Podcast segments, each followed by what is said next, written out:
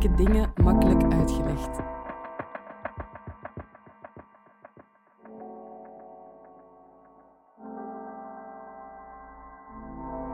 Dit is de podcast van Moeilijke dingen makkelijk uitgelegd. Wie de wereld wil verbeteren, moet wel begrijpen hoe die werkt. Daarom laten we in Moeilijke dingen makkelijk uitgelegd een expert 10 minuten aan het woord om een complex onderwerp uit te leggen. Deze keer legt Awet Desta uit wat er gebeurt in de Tigray-regio in Ethiopië. Wie heeft de laatste vijf jaar over Ethiopië iets gehoord? Is op nieuws. Alright, oké. En misschien eerder ook, de laatste 25 jaar. En merken jullie een verschil? Wilt iemand iets zeggen? Oké, goed. Dus ik ga even uh, de informatie geven wat er gebeurd is in Tigray in het noorden van Ethiopië. Maar ik ga proberen zo gemakkelijk mogelijk te vertellen, dus ik ga even terug naar België. Dus we zijn hier, alle Belgen. En België is een federale stad met drie regio's.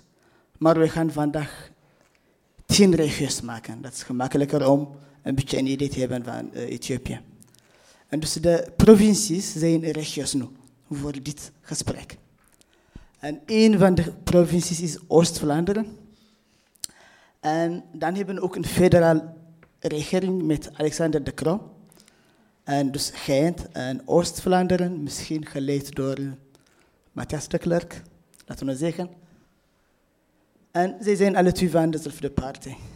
Maar er is een breuk, er is een discussie onder de twee.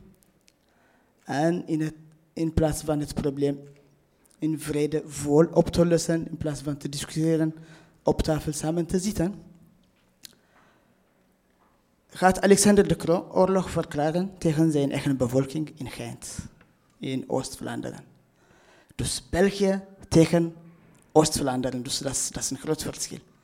9 miljoen mensen tegen 1 miljoen mensen hier in Oost-Vlaanderen. En alsof dat het niet genoeg is, gaat Alexander de Croo nog Nederland uitnodigen, om Nederland van boven, om van boven eigenlijk die oorlog te helpen. En dan zegt hij, wacht even, dat is nog niet gedaan.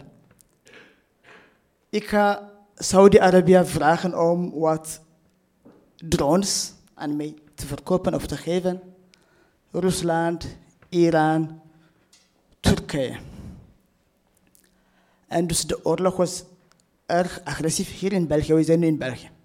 En veel mensen zijn doodgegaan, vrouwen zijn verkracht en de federale regering dus van Alexander de Croo, dat is nog stil een voorbeeld, gaat lachen over de mensen die doodgaan in Gent, in Aalst, in Lokeren enzovoort enzovoort. Kan je dat uh, voorstellen in België? Dat is gebeurd dus in Ethiopië. Dus wat is er gebeurd? Vier jaar of vijf jaar geleden hebben we een verandering in Ethiopië. Dus twintig jaar lang was een front, EPRDF, EPRDF die het land leidde. En waar Abiy Ahmed Ali, de huidige eerste minister, ook een lead was. En in Ethiopië zijn er heel veel dingen gedaan. Dus veel ontwikkeling, agressieve economie, heel agressief. Dus veel dingen zijn eigenlijk goede richting gegaan.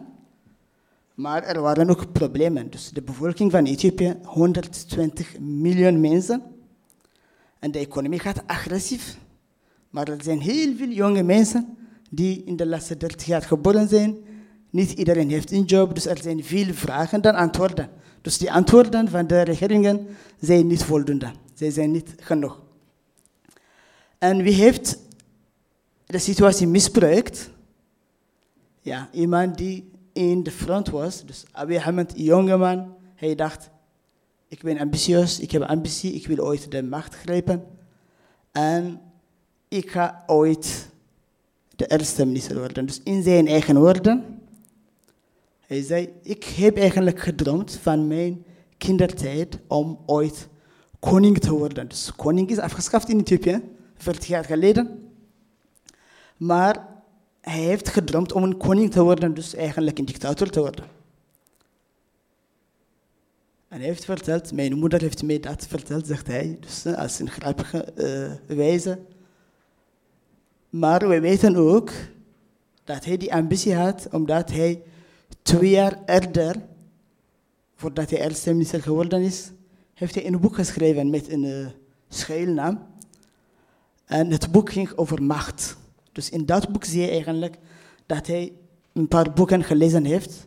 De Prins, de Prins van Machiavelli. Dus the end justifies the means. Je moet altijd gaan voor je macht. Je moet jouw vijanden kapot krijgen, enzovoort, enzovoort. En nog een ander boek die hij zou gelezen hebben is misschien uh, eh, 48 Laws of Rules to Power. Daar zijn ook 48 principes om altijd aan de macht te blijven. Er zijn voorbeelden over die, van die uh, oudere tijden, van die moderne tijden enzovoort. Dus je gaat in zijn boek lezen eigenlijk, die principes. En wat is er gebeurd in de praktijk? Hij deed alsof dat hij verandering zou brengen, dus reformation in het land, hervorming.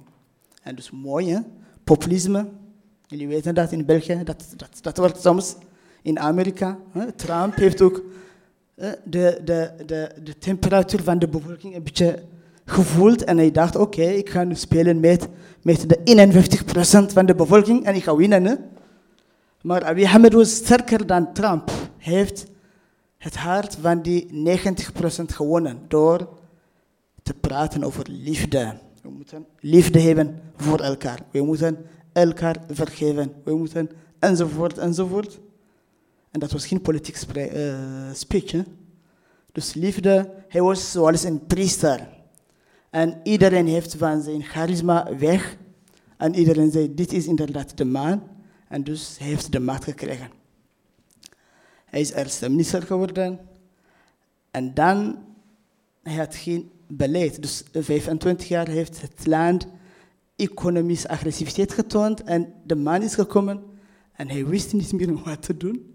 En heeft een vijand gemaakt. Dus de man is heel sterk in communicatie, marketing enzovoort. Dus jullie weten dat over uh, populisme.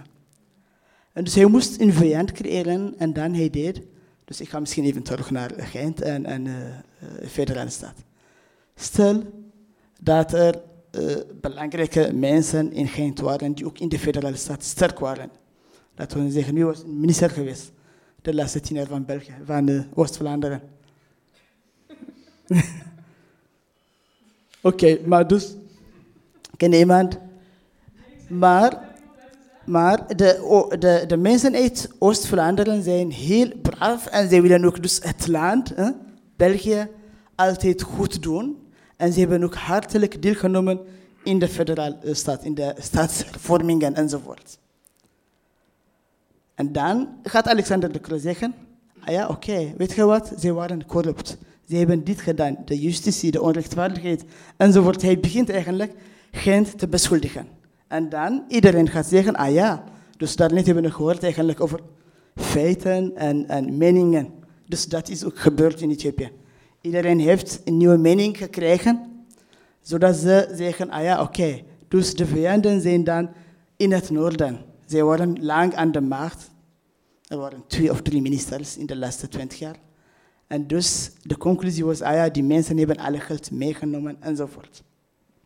Dus hij heeft een gemaakt, omdat er geen stabiliteit was in het land. Dus hij kon niet de vragen van de jonge bevolking niet antwoorden. Dus de werkstelling was de vraag, de vorige regering was aan het proberen, traag maar aan het proberen.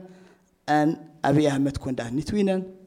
Dus hij dacht, oké, ik ga die aandacht afleiden. Dus hij heeft gewerkt letterlijk om de Nobelprijs voor vrede te, winnen. Dus hij heeft contact opgenomen met Eritrea, dus alsof dat Alexander de in Nederland zou contact opnemen. Eritrea die een vijand van Ethiopië was, oorlog van uh, eh, 20 jaar, no war, no peace zone.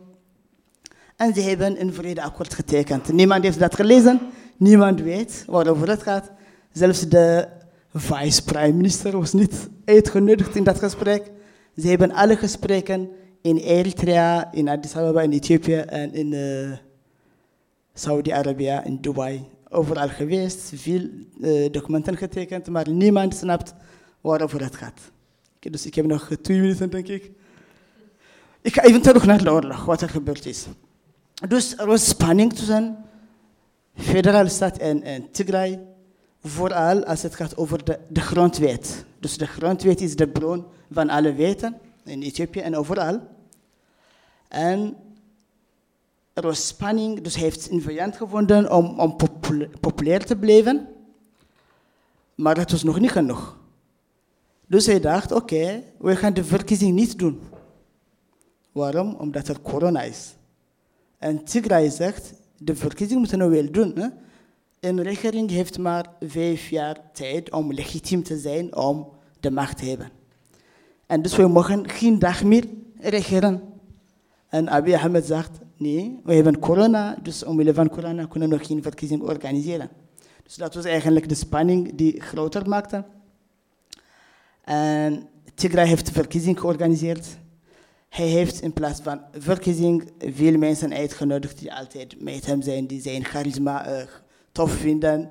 En hij heeft de mensen, de intellectuelen, gevraagd om de grondwet te interpreteren.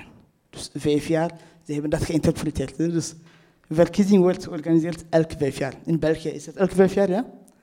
We gaan dat nooit interpreteren, dat vijf jaar is vijf jaar. Vijf jaar kan geen zes zijn of zeven. Vijf jaar corona of geen corona, vijf jaar. En dan, de spanning is groter geworden. En uh, uh, op een uh, dinsdagavond, in die avond dat er een verkiezing was in Amerika tussen Biden en wie was het? Trump, heeft hij oorlog verklaard tegen zijn eigen bevolking. Dus oorlog, dat is gemakkelijk gezegd, dus genocide. Wat er gebeurd is, als jullie lezen misschien, hè, als jullie op televisie ook volgen, dat bij de VRT zijn er misschien twee of drie verslagen geweest. Eritrea is van het noorden gekomen en dan Ethiopië van het uh, uh, zuiden. En, ik ga even terug naar België, West-Vlaanderen van het westen. En wat, wat is naast ons? Antwerpen. Antwerpen van boven, enzovoort. Dus ook de regio's hebben deelgenomen. Eritrea heeft deelgenomen, Ethiopië zelf met 120 miljoen mensen. En Dubai heeft deelgenomen, Iran heeft drones verkocht, Turkije heeft drones verkocht. Saudi-Arabië heeft heel veel geld gegeven aan Abiy Ahmed. De man die de vredeprijs gewonnen heeft, heeft eigenlijk het land kapot gemaakt. Er is oorlog in Ethiopië en er is instabiliteit in het land. De economie gaat achteruit, maar heel veel mensen, bijna half miljoen mensen zijn vermoord in het noorden. En de helft van die, vijf, uh, uh, die half miljoen mensen zijn misschien doorgegaan van honger. De telecommunicatie, internet, telefoon enzovoort is helemaal geblokkeerd voor twee jaar. Misschien een anekdote. Op het moment dat de oorlog verklaard was, was ik met mijn vrouw aan het praten. Mijn vrouw was in Tigray, in Mekelle. We hadden een videogesprek en het videogesprek is drie keer gestopt, dus omdat het oorlog was die dag is oorlog verklaard. En we waren live aan het babbelen. En dan, vanaf dat moment is alles geblokkeerd in Tigray. Geen internet, geen telefoon, geen bank. Dus we mogen ook geen geld sturen. Tenzij we moeten een illegale manier zoeken enzovoort. Dus de man die de vredeprijs gewonnen heeft, heeft Oost-Afrika onstabiel gemaakt, genocide gepleegd. En ook veel vrouwen, veel mannen zijn verkracht geweest. Dankjewel, omdat de tijd op is.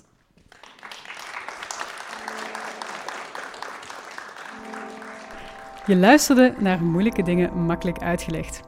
Mijn naam is Selma Fransen en samen met Curieus en Mo organiseer ik deze evenementenreeks. Deze podcast werd opgenomen tijdens het Festival van de Gelijkheid 2022. Wil je graag reageren of een evenement bijwonen? Kijk dan op de Facebookpagina van Moeilijke Dingen Makkelijk Uitgelegd.